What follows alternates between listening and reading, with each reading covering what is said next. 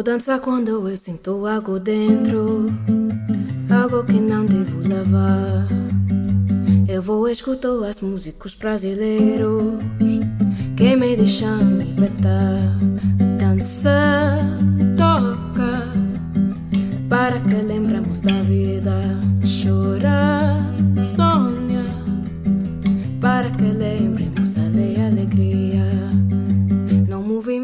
Bos días, boas tardes ou boas noites dende o recuncho de Arquitecturas en Fronteiras, no segundo andar da Escola de Arquitectura de A Coruña.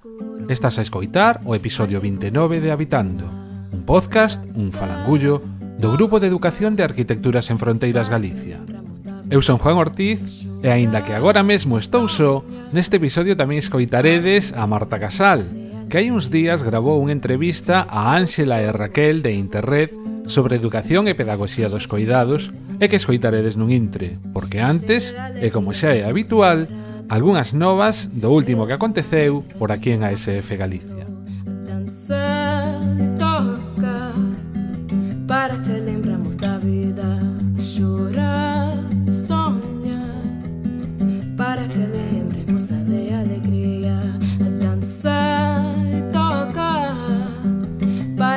lembramos da vida, chorar e sonha Para que lembremos, para que lembremos, para que lembremos, ale, ale, ale, ale, para que lembremos, ale, alegria.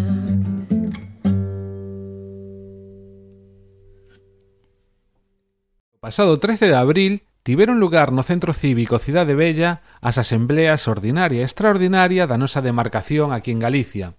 Puxemos en común o realizado no pasado ano e as expectativas para este 2019. E tamén renovamos a todas as persoas que conforman a nosa xunta directiva.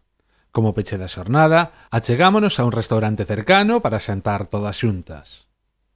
A seguinte convocatoria para socios, socias, voluntariado e persoal contratado será o 1 de xuño, pero en Madrid, nunha fin de semana chea de reunións de traballo e no que celebraremos, neste caso, as asembleas ordinaria e extraordinaria de Arquitecturas en Fronteiras España.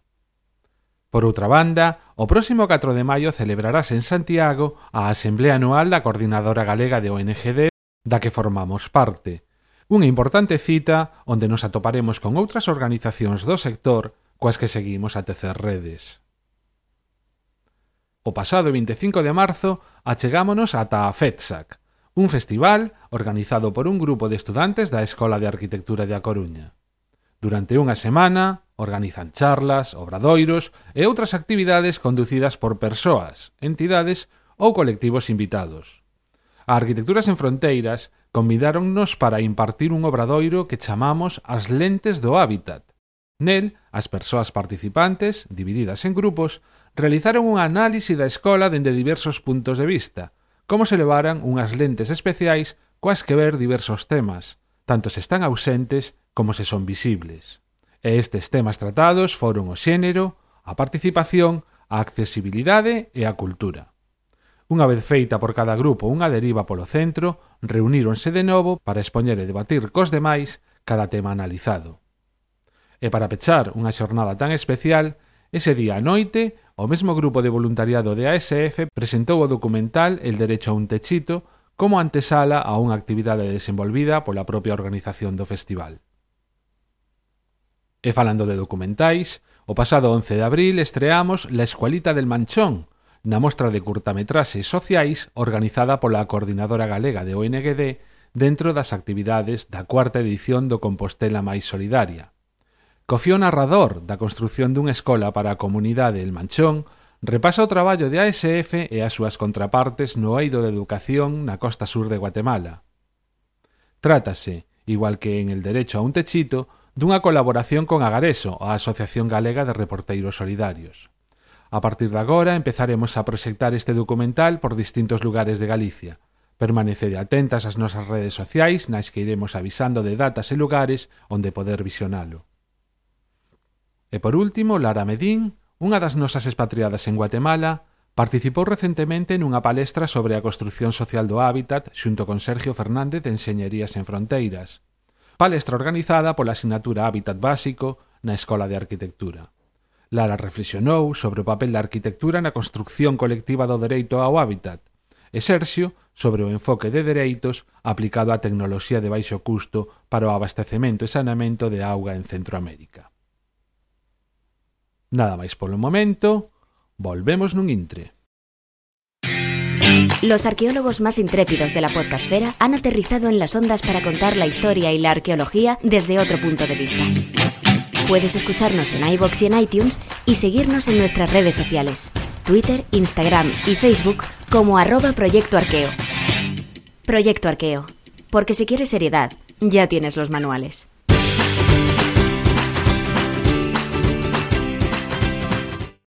Hoxe temos un programa que nos ilusiona especialmente. Por qué? Pois polas convidadas que entrevistamos hai uns días e porque conecta moito cos procesos e temas que tamén estamos a traballar en Arquitecturas en Fronteiras. Facíanos moita ilusión poder coñecer máis e compartir con Ángela Fraga e con Raquel López, mulleres feministas, activistas, técnicas de Interred Galicia e educadoras. Elas están traballando nesta contracultura de poñer a vida no centro, a través dos proxectos de educación de Interred en Galicia. Así que, deixo vos xa con esta entrevista conducida pola miña compañeira Marta Casal. Bueno, pois vimos a presentar as nosas convidadas de hoxe e a organización que nos acompaña, que é Interred. Eh, en representación de Interred temos a Raquel e a Ángela, que son as dúas técnicas da área de educación. Penso agora nos dirán exactamente cal é o seu rol dentro da, da organización.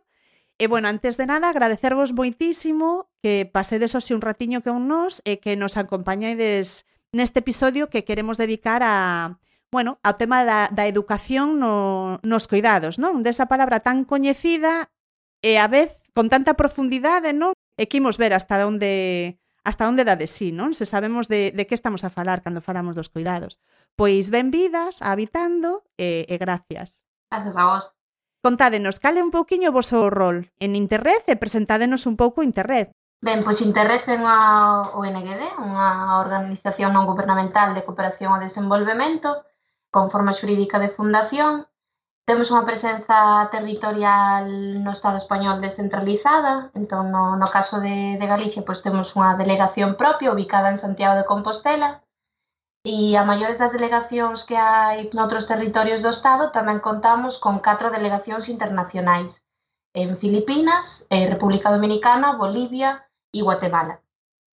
Entón, bueno, un pouco as funcións que se realizan dende Interred irían, por resumir moito, en dos grandes bloques. Por unha banda, os proxectos de cooperación internacional. Nese caso, o noso rol como organización sería un pouco intermediaria entre a Administración financiadora, neste caso principalmente a Xunta de Galicia e tamén o Fondo Galego de Cooperación á Solidariedade, e a execución dos proxectos farían directamente eh, ás organizacións socias locais, un pouco pois nesta, bueno, por ir acorde ao, ao novo marco de, de cooperación internacional. E logo xa por outra banda, os proxectos de educación para o desenvolvemento e a ciudadanía global, que en breve serán educación para a transformación social, E aí pois, o noso rol xa sería máis de intervención directa, tanto de formulación, deseño e execución de, de proxectos.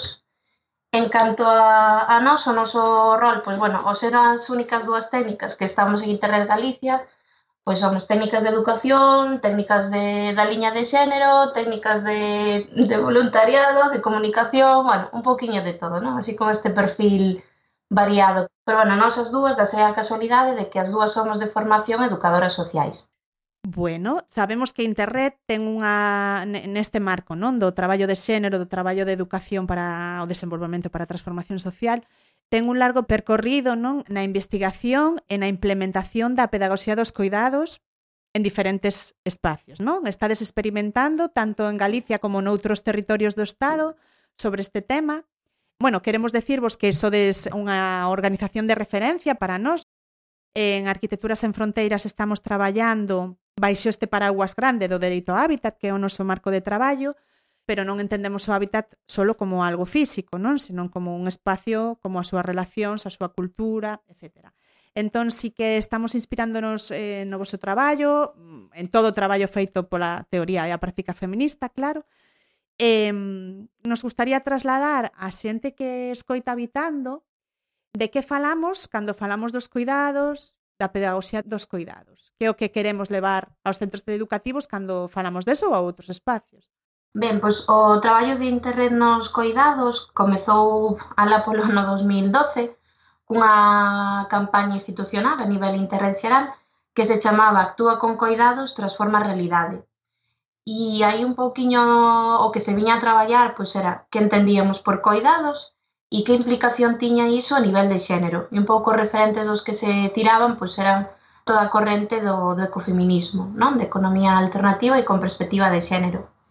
Esta campaña foi mudando, foise concretando de distintas maneiras, pois tamén en función de cada territorio, e no ano 2014, se non me equivoco, A esta campaña deuselle unha voltiña e pasou a ser a revolución dos coidados. Tomaba a liña anterior de, de reivindicar os coidados e analizalos con perspectiva de xénero, pero xa non tiña tanto un componente teórico, digamos, senón tamén un componente propositivo, é dicir, como interred que propoñemos para poñer en valor os coidados, isto de, de, de mudar o noso modelo social para poñer a vida no centro.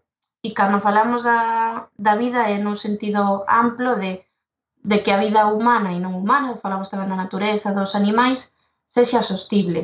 E analizábamoslo un pouco no sentido de que o modelo productivo que temos hoxe en día realmente é un modelo que se basea na acumulación da riqueza, de capital monetario principalmente, e deixamos de lado outros aspectos pois, como son os cuidados entre nós, as relacións humanas, as, as relacións afectivas, eh, usar a natureza ou as materias primas como un supermercado do que podemos coller todo e, e casi por arte de magia as cousas repóñense. Entón, bueno, tratábase un poquinho de analizar iso e de cuestionar como é o noso modelo social para poder mudar as cousas. Obviamente todo este traballo de coidados e, e de pensar pensar no, no noso modelo social leva claramente unha, unha perspectiva de xénero porque non podemos falar de coidados sin falar de xénero. E os coidados son maioritariamente feminizados, son sostidos por mulleres e na maioría dos casos son traballos non remunerados, non valorizados, e incluso os que son remunerados son en condicións precarias ou na economía sumerxida. Entón, bueno, como que vemos que os cuidados e xénero mm, van moi da man porque é unha cuestión que nos afecta e nos interpela directamente como mulleres. E, sobre todo, mm, tamén nos interpela no que ten que ver co modelo de vida que desenvolvemos nos chamados países do norte fronte a, a outras realidades eh, do sur, non? E danse todas estas dinámicas de cadeas globais de coidados, de, de non responsabilizarnos co noso modo de vida e, e as consecuencias que iso pode ter en outros contextos a priori moi afastados, pero bueno, pois supoñía todo, todo ese traballo de, de repensar ese marco non teórico, ético e político que mm, acabas de facer pois a un nivel macro, non, de entendo pois desa mirada de cuestionar como é a organización eh, social que temos, económica, que papel cumpren os cuidados aí. Bueno, levades todo iso, entendo, nas vosas actividades educativas, no voso traballo, e como concretades nos lugares aos que ides? É dicir, como baixades eso, como traballades eso nos centros educativos? Ben, un pouco a, a aterrizaxe de, de toda esta campaña foi moi variada en función de cada delegación. Digamos que tamén eh, ao ter unha organización descentralizada, pois cada quen vai adaptando en función de onde está traballando e de cales son as, as principais necesidades No noso caso, como Interés Galicia traballa principalmente no ámbito rural, si que nos centramos un poquinho máis na, na dimensión social dos coidados e non tanto na dimensión ambiental. Inda que é certo que por como vimos traballando este ano, que xusto traballamos en centros de, de Arzúa e Trazo, que son zonas onde se poden ver afectadas por cuestións ambientais ou por conflitos ambientais, entón, digamos que eso este ano entrou tamén. Pero a nosa proposta é sobre todo traballar a, a dimensión social, a organización social dos cuidados. Entón traballámoslo moito dende unha perspectiva mm, eh, de nos afectos, dende unha perspectiva vivencial, non? Non se trata de facer di, eh, dinámicas ou xuizos de valor do que, que fai cada quen na súa casa ou no seu fogar, pero sí que nos interpelamos directamente a en que medida eu como persoa, a miña individualidade, está reproducindo ou non estas dinámicas que queremos que queremos erradicar. Entón, bueno, traballamos con un material que se elaborou xa fai un par de aniños, que é o, o percorre teu laberinto, pero, bueno, precisamente é un material moi vivo, que depende moito tamén da persoa que, que o engancha, que o colle, tamén depende moito do, do grupo. Este ano quen estivo traballando máis directamente con el foi, foi Ángela, que ademais como ten unha bagaxe pois en corpo, en, en teatro do, do oprimido, pois incorporoulle todo este componente, igual vos lo pode comentar ela, ela mellor. Ansela, contanos, que faz con toda esta maleta que nos dá o feminismo, non? Con todas estas ferramentas, este xeito de mirar, como levas eso eh, e a quen o levas? Eh, falaba Raquel, non? Que estades traballando en zonas rurais, Eso é ben interesante porque sí que ás veces eh, non, non chegamos non a, a lugares que, bueno, estamos como sobre actuando en, en algúns contextos e outros territorios quedan máis esquecidos. Estades en Arzúa en Trazo. A onde ides? Estades en coles, en institutos? Contanos un pouquiño. Vale, faime gracia esa pregunta que dis Marta de como aterrizamos todo eso que, que o feminismo nos regala, non? Primeiro nas nosas vidas, das persoas que imos a dar os obradoiros e despois como, como compartimos non coas persoas coas que traballamos. Porque esa é unha das premisas tamén que dende Interred e polo menos o equipo que temos aquí en Galicia eu teño moitas dúbidas de se se pode traballar algo que non teñamos traballado internamente, non? Entón, o primeiro é que as persoas que compartimos esos obradoiros polo menos estemos facendo o intento, non? Que to temos toda unha vida para, para traballarnos eso internamente, pero é moi difícil levar cousas non de corpo, de razonamento, se non hai un traballo detrás. E por eso a veces tamén hai determinado risco nos talleres de xénero que están salindo agora como setas, non? Eh, Interred este ano eu tiven a sorte de entrar xusto para este proxecto e ten como dúas liñas de traballo eh, a nivel educativo. Unha en centros escolares, cos centros que dixo Raquel, Arzúa, Trazo e Tordolla. E despois outra liña que estamos comezando a traballar cun grupo de, de mozas adolescentes eh, que levan traballando aquí no, Centro Cívico de Conxo, un proxecto moi bo, eh, traballado a pulmón dunha orientadora, dunha educadora social, Sara, que xa leva anos traballando coa mocidade, que non son proxectos fáciles de soster, non? porque hai determinadas idades como de, de os 12, os 18, que a rapazada desaparece e a xente adulta e as traballadoras non, non somos quen de dar resposta a esa idade que é moi complexa, non de moitos cambios de e que xusto toda esta parte de coidados e de colocar esos cuidados nos, no centro pode dar moito sentido á vida da, na adolescencia. Unha cousiña, eh, Ángela, este proxecto do que falas do Centro Cívico de Conxo con esta xente nova é un proxecto eh, desligado do, dos centros educativos, é dicir, no, eh, no tempo persoal ou, ou no, está vinculado a, Non, non está vinculado ao centro vale. educativo. Digo, eh, porque eh, engade tamén dificultade, non? De decir, sí, claro. Sí. Mm. Sí, sí, sí, sí, sí. Todo, por horarios laborais tamén, non? Mm. E, e a que existe outras formas de xestionar con elas os tempos, pero tamén é como a confianza, non? Que necesita a adolescencia de decir, queredes facer este proxecto? Pois veña, imos darlle. Tamén é verdad que aquí hai un traballo feito dunha educadora detrás, non?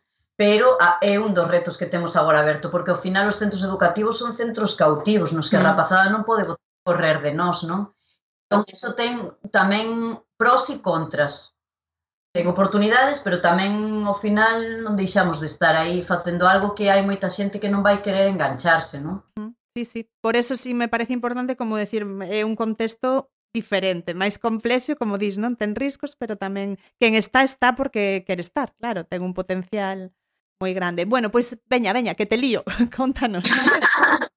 Entón, a mí me tocou traballar tamén de forma moi libre, eh, son estos materiais de internet en 10 sesións eh, en trazo. Estamos en sexto de primaria, que non é o habitual, porque o habitual é traballar en secundaria, pero tamén estamos aí cun experimento tamén de ver como, non? Porque o Percorre o teu laberinto é un traballo máis eh, persoal e de educación coeducación emocional, non? Porque a educación emocional sin o xénero tamén, en fin, lle falta unha, unha pata aí. Entón é un traballo máis de autopensarse, de autocuidados, para despois conectalo con algo máis externo e, e esa estrutura da que falaba Raquel, non macro dos cuidados. Entón estamos en primeiro da ESO e en segundo da ESO, con eh, formas de traballo un pouco diferenciadas, pero tamén depende do grupo. Sí que é verdad que lle damos valor a un traballo mm, de razonamento ou de pensamento crítico, pero tamén do corpo, porque o que suele pasar moitas veces, non? E, e nos o teatro do oprimido o traballamos tamén moito, é que podemos ter unha estrutura de pensamento crítico moi ben como con unha coherencia moi ben establecida e despois nas nosas prácticas, bueno, o que nos pasa a todas as mulleres de todos os estratos sociais, non? Caemos en relacións de violencia, de poder. E eso axuda a traballar o corpo, non? Entón, hai como unhas primeiras sesións, facemos como 10 sesións por aula. Falábamos antes, non? Que que menos que, que mm, nos estamos metendo en terreos moi complexos que o que ti estás dicindo, non? Que implican o corpo, eh, o sea, as ideas, as actitudes, mm, as crenzas, o que esperan de nós, é dicir, nun momento moi complexo da vida, como a adolescencia e eh, e que menos que, que de sesións, non? Un ano sí. tras outro, porque... E 10 sesións de 50 minutos, que claro. moitas veces hemos reducido o impacto, porque hai cousas que tú non podes abrir. Claro, porque non, porque te... non podes cerrar. Claro. Claro, entón, bueno, tamén o nivel das sesións andan unha capa un pouco superior, non? Despois sí que é verdad que a rapazada pois profundiza, que quere máis, non? E salen moitas cousas, non?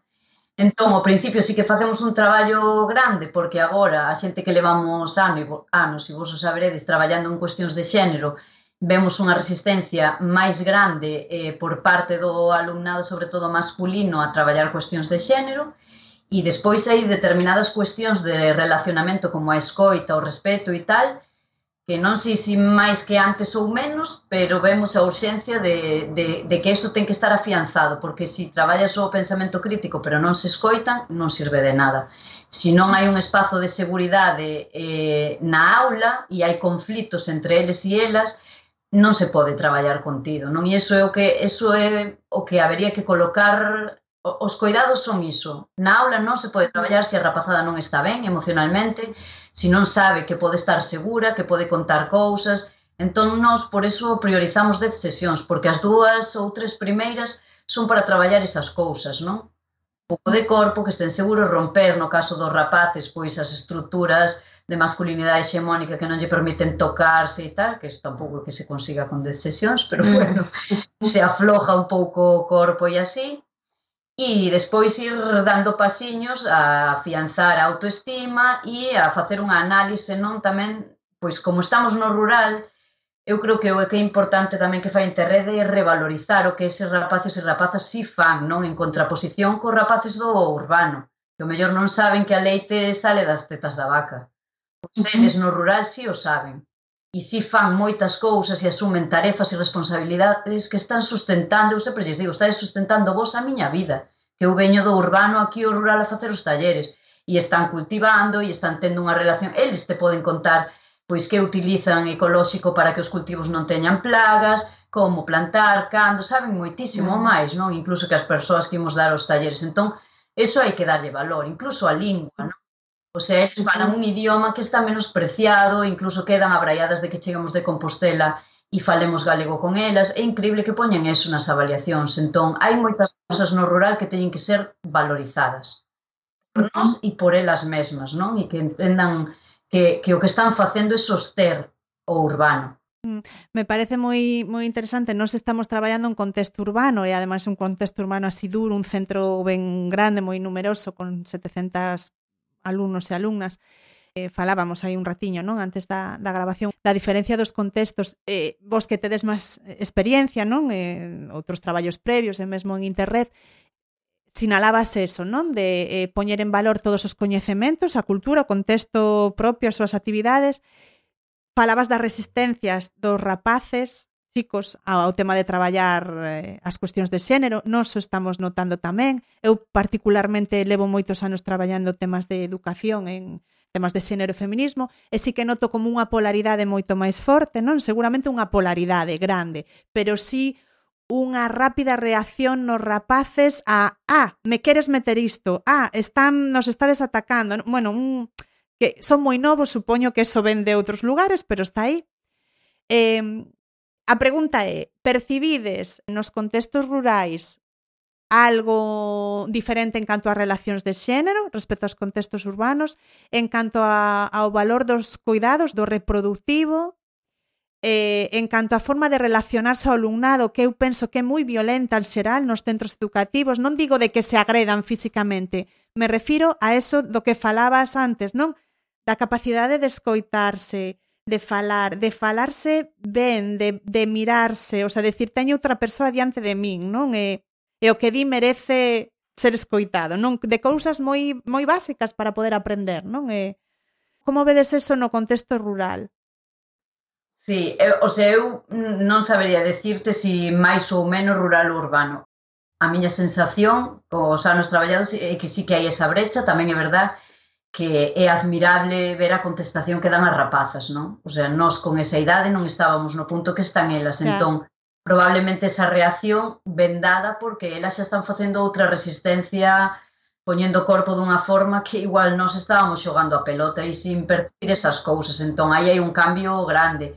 Estamos nun momento de mover o iceberg, non? Ou polo menos de intentar facelo temblar, e iso a rapazada tamén o está facendo. Tamén é verdad que cando conectas, ves que hai rapaces que teñen ganas de romper moitas estruturas de masculinidade. Que pasa? Que é difícil chegar a ese punto. O mellor chegas a un ou dous rapaces na aula e é máis fácil que as rapazas conecten porque de repente din, ah, isto me pasa a mí, ah, sí, e hai violencia, hai violencia, o sea, hai unha insensibilización super grande a violencia, xa non só de escoita, sino incluso de agresión real, que o ves na aula, como se berran, como, o sea, en realidade non está posto sobre a mesa que sí que está habendo moita agresión nas escolas. Eu creo que hai rapazada que o ten que estar pasando mal, mal sí. verdad?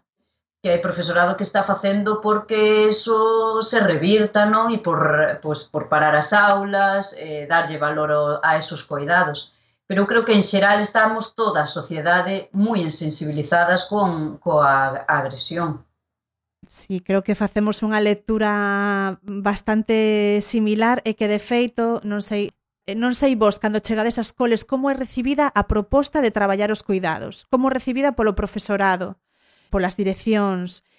Que inquietudes hai? A nosa experiencia, a nosa sensación é é do primeiro que te falan, non con estes términos, pero sí do trato entre os rapaces, do respeto, da falta de respeto, desta agresividade, da falta de cuidado tanto do físico como das relacións, pero despois a sensación é que nos imos por un carreiro e os profes van por outro, é dicir, onde nos cruzamos? O currículum está aí como unha losa tremenda, esa frase que decías ahora, Ánsela, de parar as aulas, eu ás veces soño con eso, non? De quietos todos parados un ano. Imos a parar isto un ano, porque non facemos nada.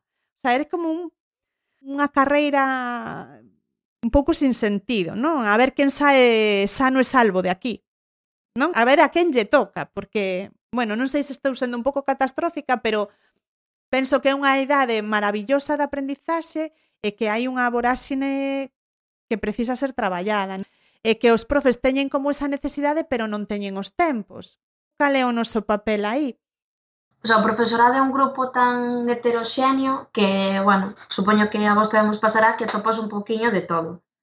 Non só A comunicación témola principalmente cas orientadoras de cada un dos centros. E en xeral cas orientadoras mmm, moi ben, son moi facilitadoras e cas que nós traballamos polo menos sí que teñen esta esta conciencia de que, de que é un aspecto que hai que traballar. Logo no ámbito do, do profesorado, pois, bueno, hai, hai profes, sobre todo profes mulleres, que xa levan tempo traballando e que de feito teñen unha bagaxe moi ampla e é un pouco de, bueno, que lle podemos ofrecer nós a esta persoa que xa ten tanto traballado. A veces é case unha cuestión máis de apoio moral que de cuestións máis técnicas ou máis teóricas, porque xa se está traballando e eso pois tamén hai que poñelo en valor que hai profas facendo, vamos, verdadeiras fazañas de, de resistencia e de, bueno, de programacións que sí que incorporan a perspectiva de xénero.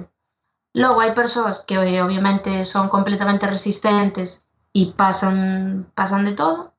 E logo hai persoas que están como un pouco máis confundidas e están como con isto de la educación en valores e, bueno, como que tamén se confunde moito toda esta cuestión de educación en valores, igualdade, non sei cuánto, obviamente sí que ten un componente de valores, pero non podemos esquecer que traballar a perspectiva de xénero ou, ou as cuestións de xénero estamos falando dunha cuestión estructural e dunha cuestión tamén de dereitos, que si que é algo que se, que se ten que valorizar de, bueno, non, non se trata de cuestións meramente de boa educación, sino que se trata de unha cuestión de dereitos. Entón, bueno, tamén co profesorado se está facendo esta, esta labor máis pedagóxica, pero si é certo que a facemos un pouco máis indirectamente, pois non sempre convidamos os tutores e, e tutoras a estar en aula nas nosas sesións e formar parte do grupo nun rol horizontal, o sea, esquecendo o seu, o seu papel como, como profe. Porque, bueno, tamén é, é certo que o profesorado ben sexa polos seus tempos e as súas estructuras rígidas ou, ou bueno, porque tamén teñen un rol de, de profe, se é difícil ensinarlle algo a un profesor ou a unha profesora, pois é certo que pola nosa experiencia o que mellor funcionou foi iso, ofrecer como este acompañamento eh, que participaran das sesións, tendo moito tempo, pois deste tempo informal tamén, non, de cafetería, que non lle damos o valor, pero para nós foi moi moi útil ese tempo despois das sesións, quedar un anaquiño falar cun co profe, bueno, todos esos tempos son moi a nos resultaronnos bastante bastante ben. Os reproductivos, non? sí, totalmente. É certo que as escolas de por sí, o sea, o sistema escolar regrado ten xa unha estrutura que permite moi pouca permeabilidade. E notase moitísimo nos grupos, creo que independentemente de, de si ámbito urbano ou rural, notase moito nos grupos cando hai un profe ou profa, titor, titora, que está facendo un traballo con ese grupo. E igual non é un traballo máis o sea, teórico a nivel xénero e tal, pero si é unha profa cercana que ten incorporada esta perspectiva afectiva e trata o seu grupo de alumnos e alumnas, pois dende o respeto, dende a empatía, dende a escoita, iso xa cambia completamente o como nós chegamos ao grupo e como o grupo funciona. Notase moitísimo. Entón, bueno, a escola é un ámbito complexo, obviamente hai que seguir porque ten unhas potencialidades educativas tremendas, pero é moi ríxida, moi pouco permeable a cuestións que poidan vir dende fora. O ideal sería que non estivéramos tan fora, pero... Sí, este ano, eh, bueno, eh, rescatamos un material, Centros Educativos Transformadores, no que participou Interred con outras organizacións como Entre Cultura, Alboán, Intermón, que colgaremos na web a, a referencia porque sí que é un documento que dá como unha guía, non? Da, da pistas de como ir transformando da poquiño, de como facer unha diagnose dos centros que teñen en conta esta perspectiva, non? E como ir mudando, non? Diferentes aspectos do sistema do centro, non? Non só traballar co rapaces e, e as rapazas.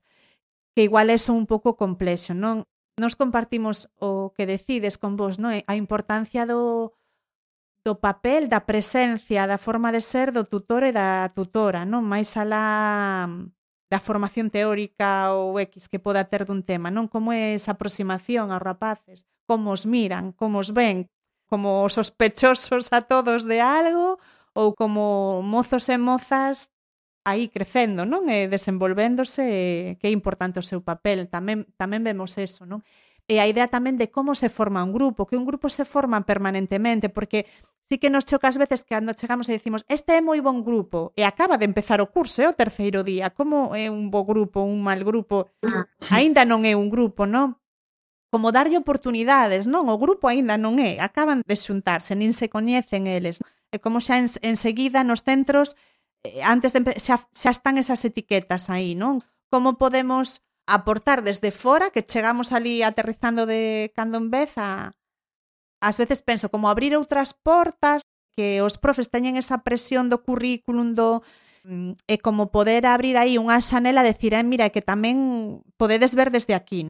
E igual pois vedes outras cousas que vos van a permitir ver aos nenos noutros contextos, noutro tipo de actividades, que non é a clase ríxida na que moitos deles ou delas non se van a, a desenvolver como esperan, non? O como se supone que teñen que facer, o que bo, boa conduta, todo este tema.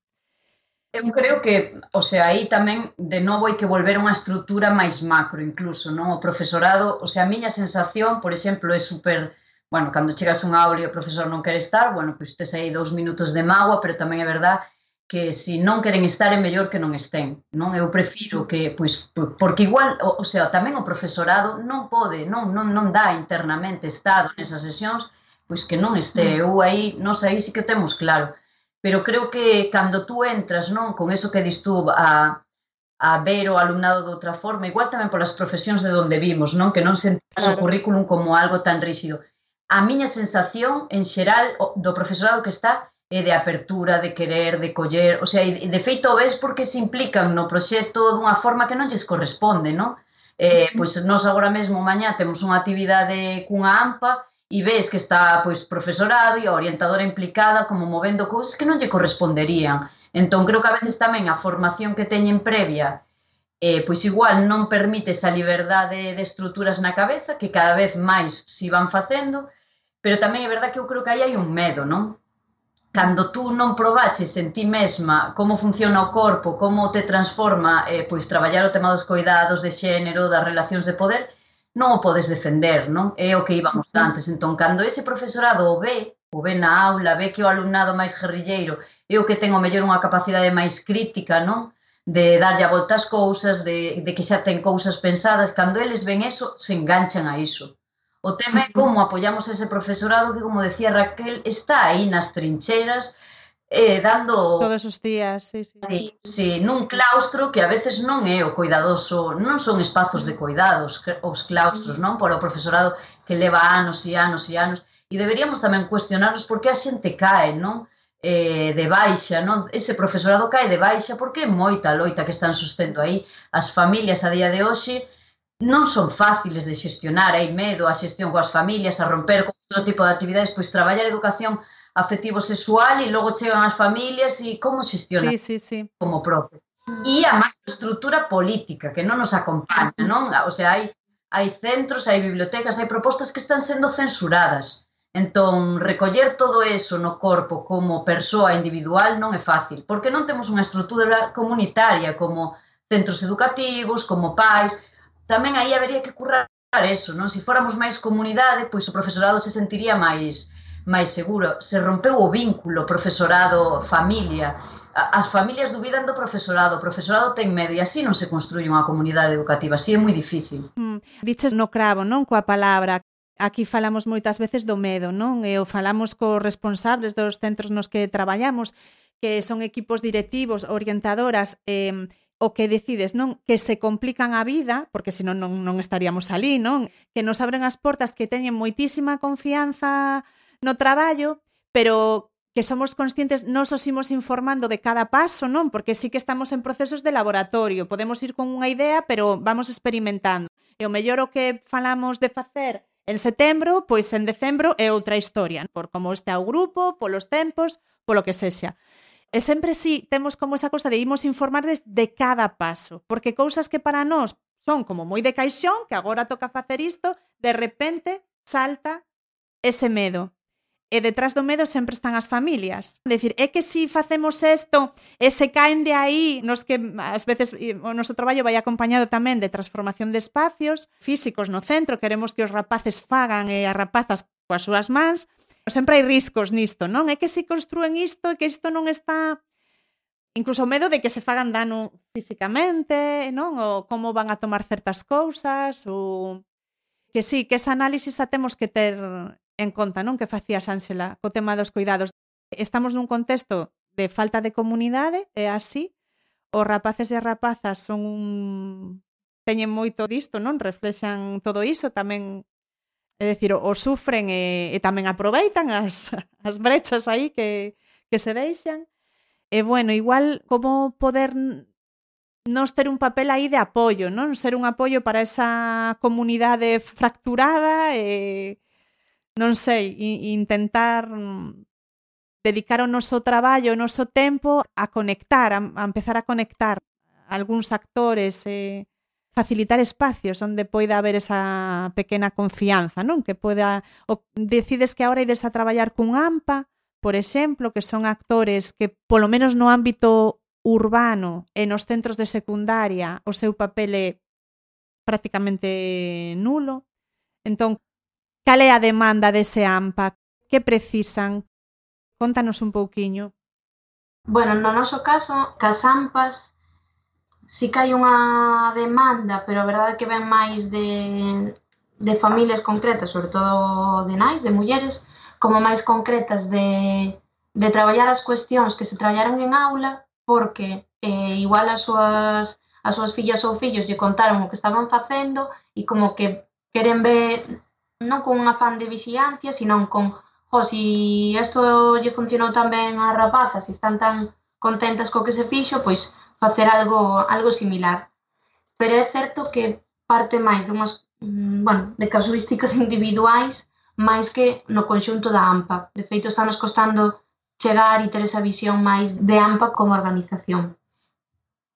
Porque creo que nin sequera no, no centro Bueno, non sei, dependerá moito de cada un dos centros, pero costa que haxe esa relación como máis máis fluida co grupo AMPA como un ente máis da comunidade escolar. Sobre todo todo isto ben, eu estaba estaba dicindo antes Ángela, porque non hai este sentido de comunidade escolar, non? Aquí convivimos distintos actores e actrices no mesmo espazo, no mesmo tempo, pero non interaccionamos e non intercambiamos. Entón está profesorado por un lado, dirección por outro, en moitos casos o equipo de orientación por outro, persoal non educativo, bueno, non educativo formalmente, inda que sí que é eh, persoal educativo por outro, bueno, como que está todo moi compartimentado, pero é necesario interaccionar, non? A nos, por exemplo, pasounos este ano co centro de, mm, de Arzúa, a persoa que xestiona a cafetería, Nelly, é unha persoa que nos deu unha lección de cuidados moi boa, porque ten a cafetería eh, super acondicionada para a rapazallada, eh, ves como interaccionan os rapaces e rapazas con ela, e, e é unha pasada, e serviunos moito para logo conectar nas sesións de vos tedes unha persoa no centro que fai todos os días cuidados con vos.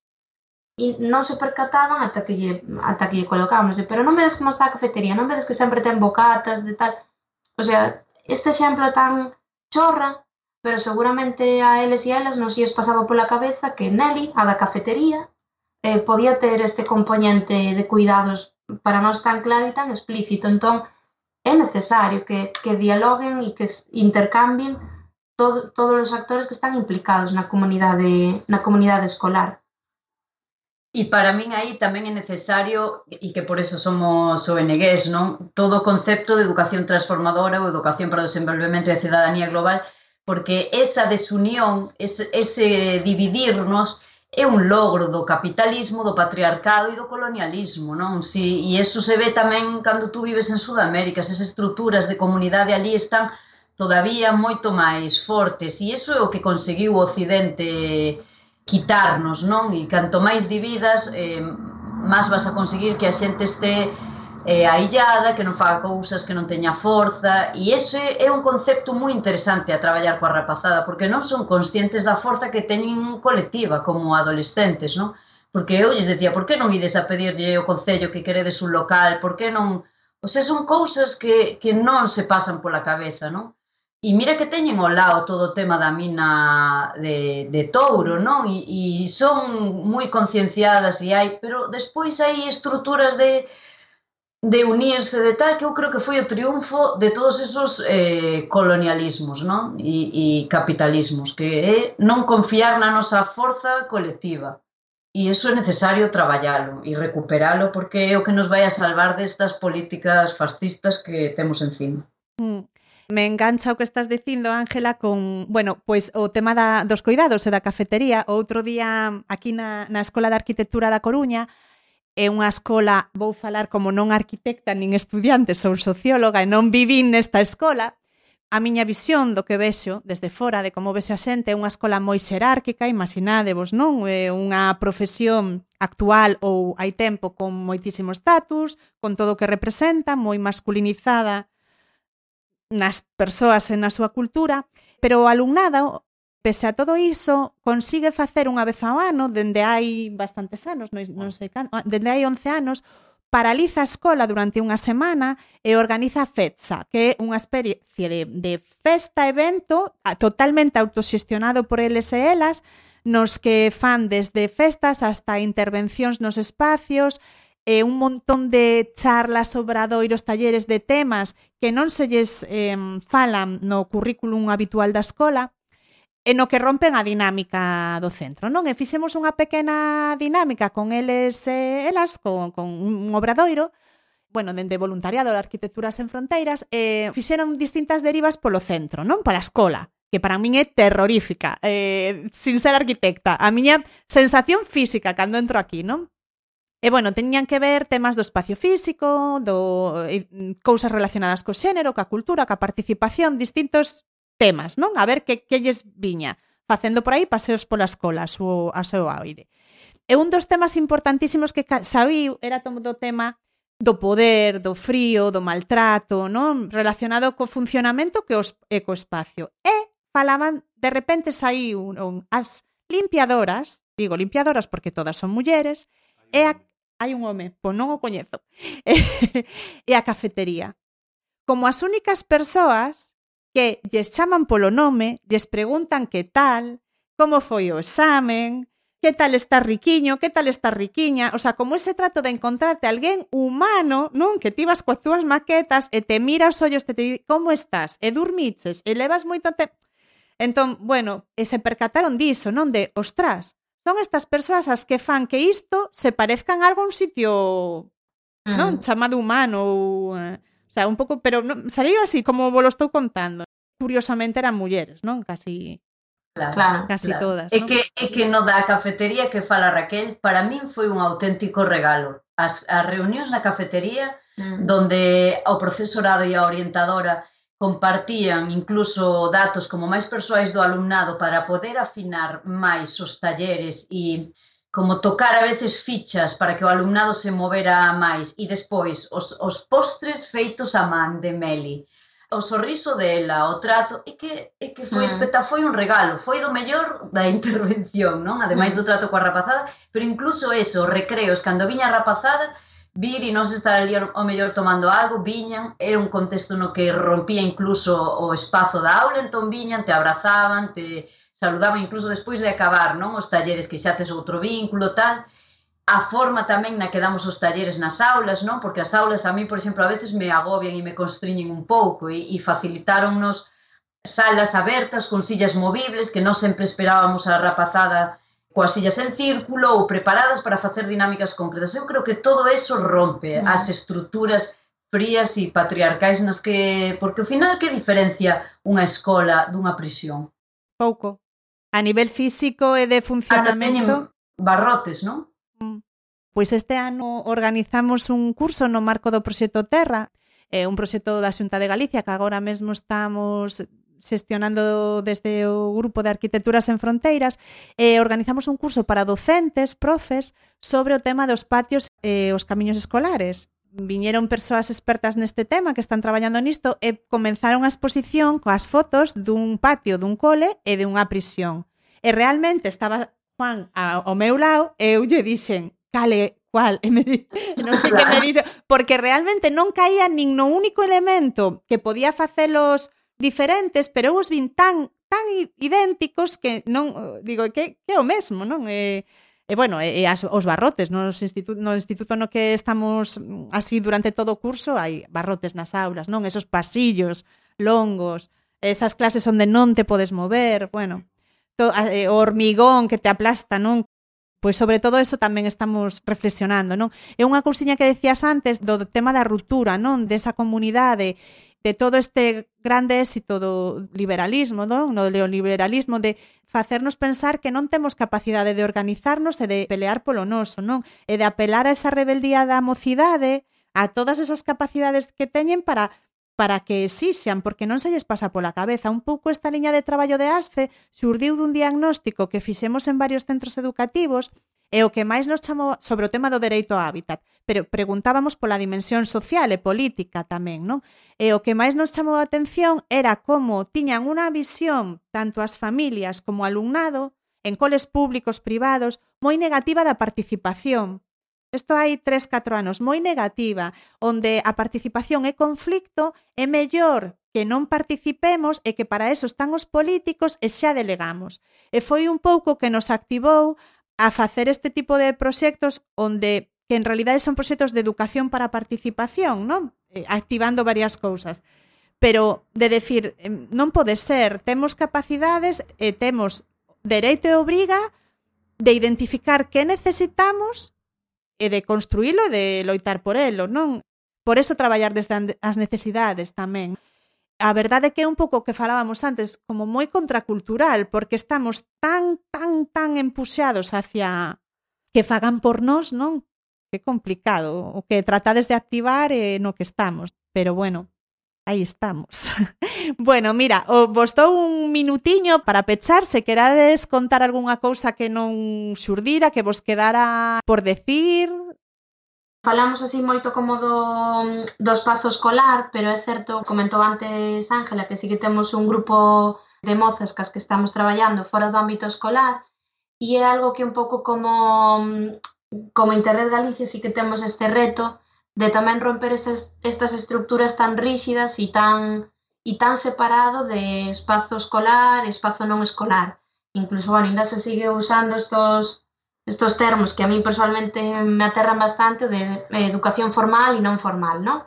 Todos os procesos educativos son formais, todos os procesos educativos son intencionados e un pouco que varía é a estructura ou que, que condiciona moito o traballo, non? Pero sí que temos como esta intención de, de poñer en valor estos espazos e estos tempos de educación non regrada, que se poden dar tamén na escola. Pois, por exemplo, o tempo de patio, o tempo dos entre aulas no corredor, todas estas Claro, todos estos tempos que quedan aí mortos sin que ninguén os revise, pois teñen un potencial de traballo. Tempo libre. Tempo libre, claro, claro, nós, por exemplo... Libertad, libertad.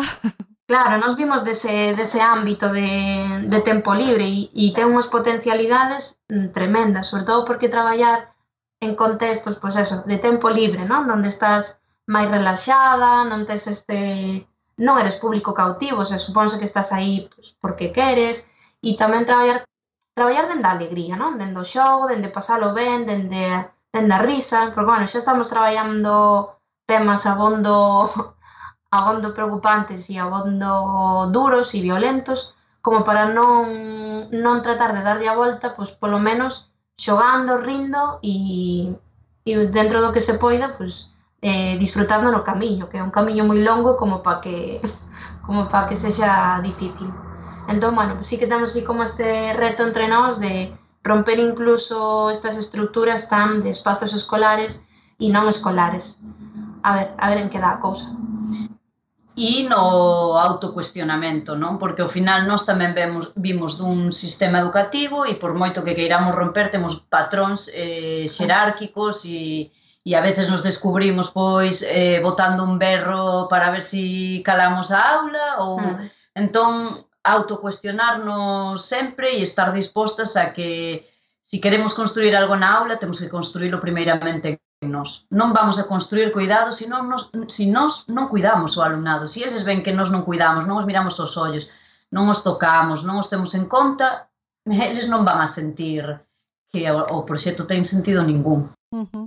Pois, mulleres, moitísimas gracias, moitos parabéns de verdad por todo o cuidado, por toda a cabeciña e o corpo que estades poñendo aí. E eh, nada, desexando tocarvos e eh, que intercambiemos máis máis coñecementos e máis experiencias, vale? moita forza para o que queda. Estamos aquí as onegues embarcadas agora nun proceso maravilloso de encerro para formular proxectos. Moita sorte, moita creatividade e, e que disfrutedes tamén. E o ano que ven a ver se si montamos algo xuntas, non? Estamos unha liada, liamos algo. Moitas gracias. Grazas a vos. Gracias, chao, chao. Chao, chao, chao.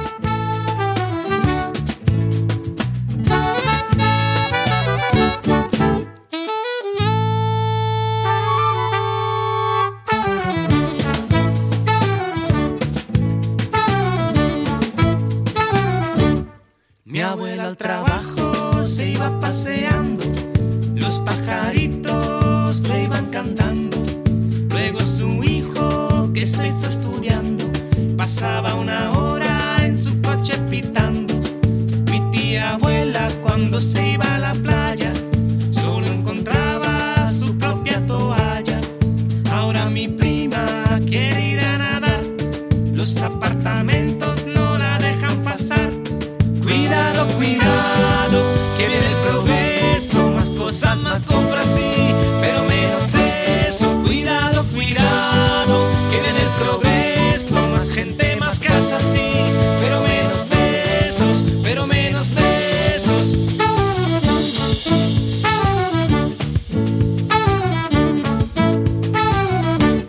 Qué grandes, qué buenos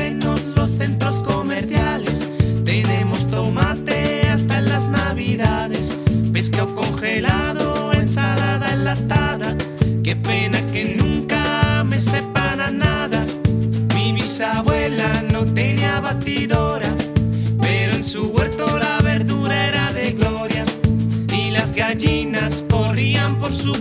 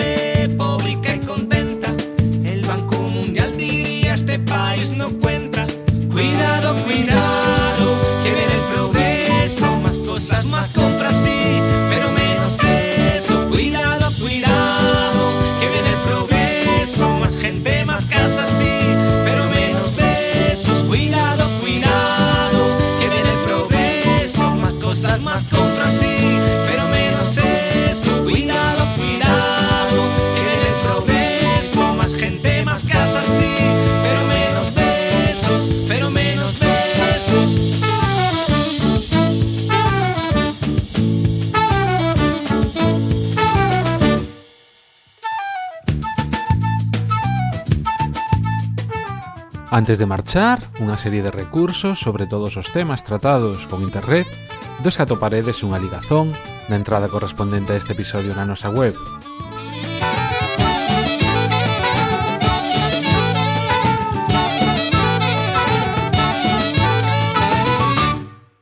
En primeiro lugar, un libro de referencia para entrar no marco dos cuidados, dende a economía feminista da ruptura, a través do traballo da economista feminista Amaya Pérez Orozco su versión feminista de la economía, aportes para un debate sobre el conflicto capital-vida, que podedes mercar en Traficantes de Sueños ou descargarlo de xeito gratuito, e tamén podedes facer unha aportación editorial. Recomendamos vos tamén visualizar a charla Propuestas ecofeministas para unha crisis civilizatoria, a charla que podemos escoitar no Seminario Hábitat a Escala Humana, que organizamos nós hai xa uns anos, e que atoparedes en Youtube e na biblioteca da nosa web. Por suposto, a guía elaborada por varias ONGD, Interred, Intermón Oxfam, Entre Culturas e Alboán, no que se sistematiza o traballo feito en centros educativos durante anos por estas entidades nunha proposta de guía cara a transformación dos centros escolares, centros educativos transformadores, rasgos e propuestas para avanzar. E por último, a proposta para os autocuidados elaborada por Interred é da que falamos na conversa con Raquel e Ángela. Percorre o teu laberinto, manual de xénero e autoestima.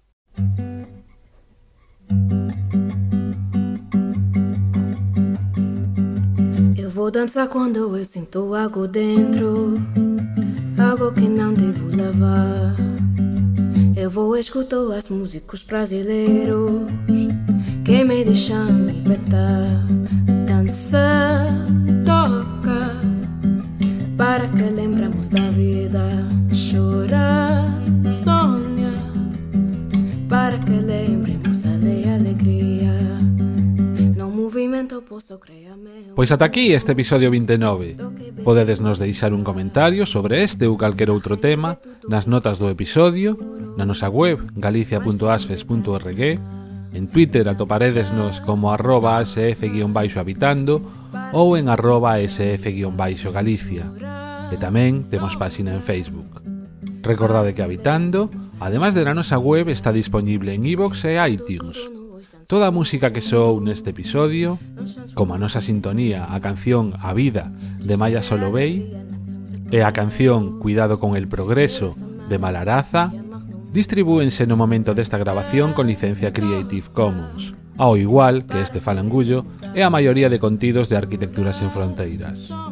Pois nada máis, moitísimas grazas a todos e a todas por chegar ata aquí e esperamos vos no seguinte episodio. Adeus! Para que lembramos da vida, chorar e sonhar, para que lembramos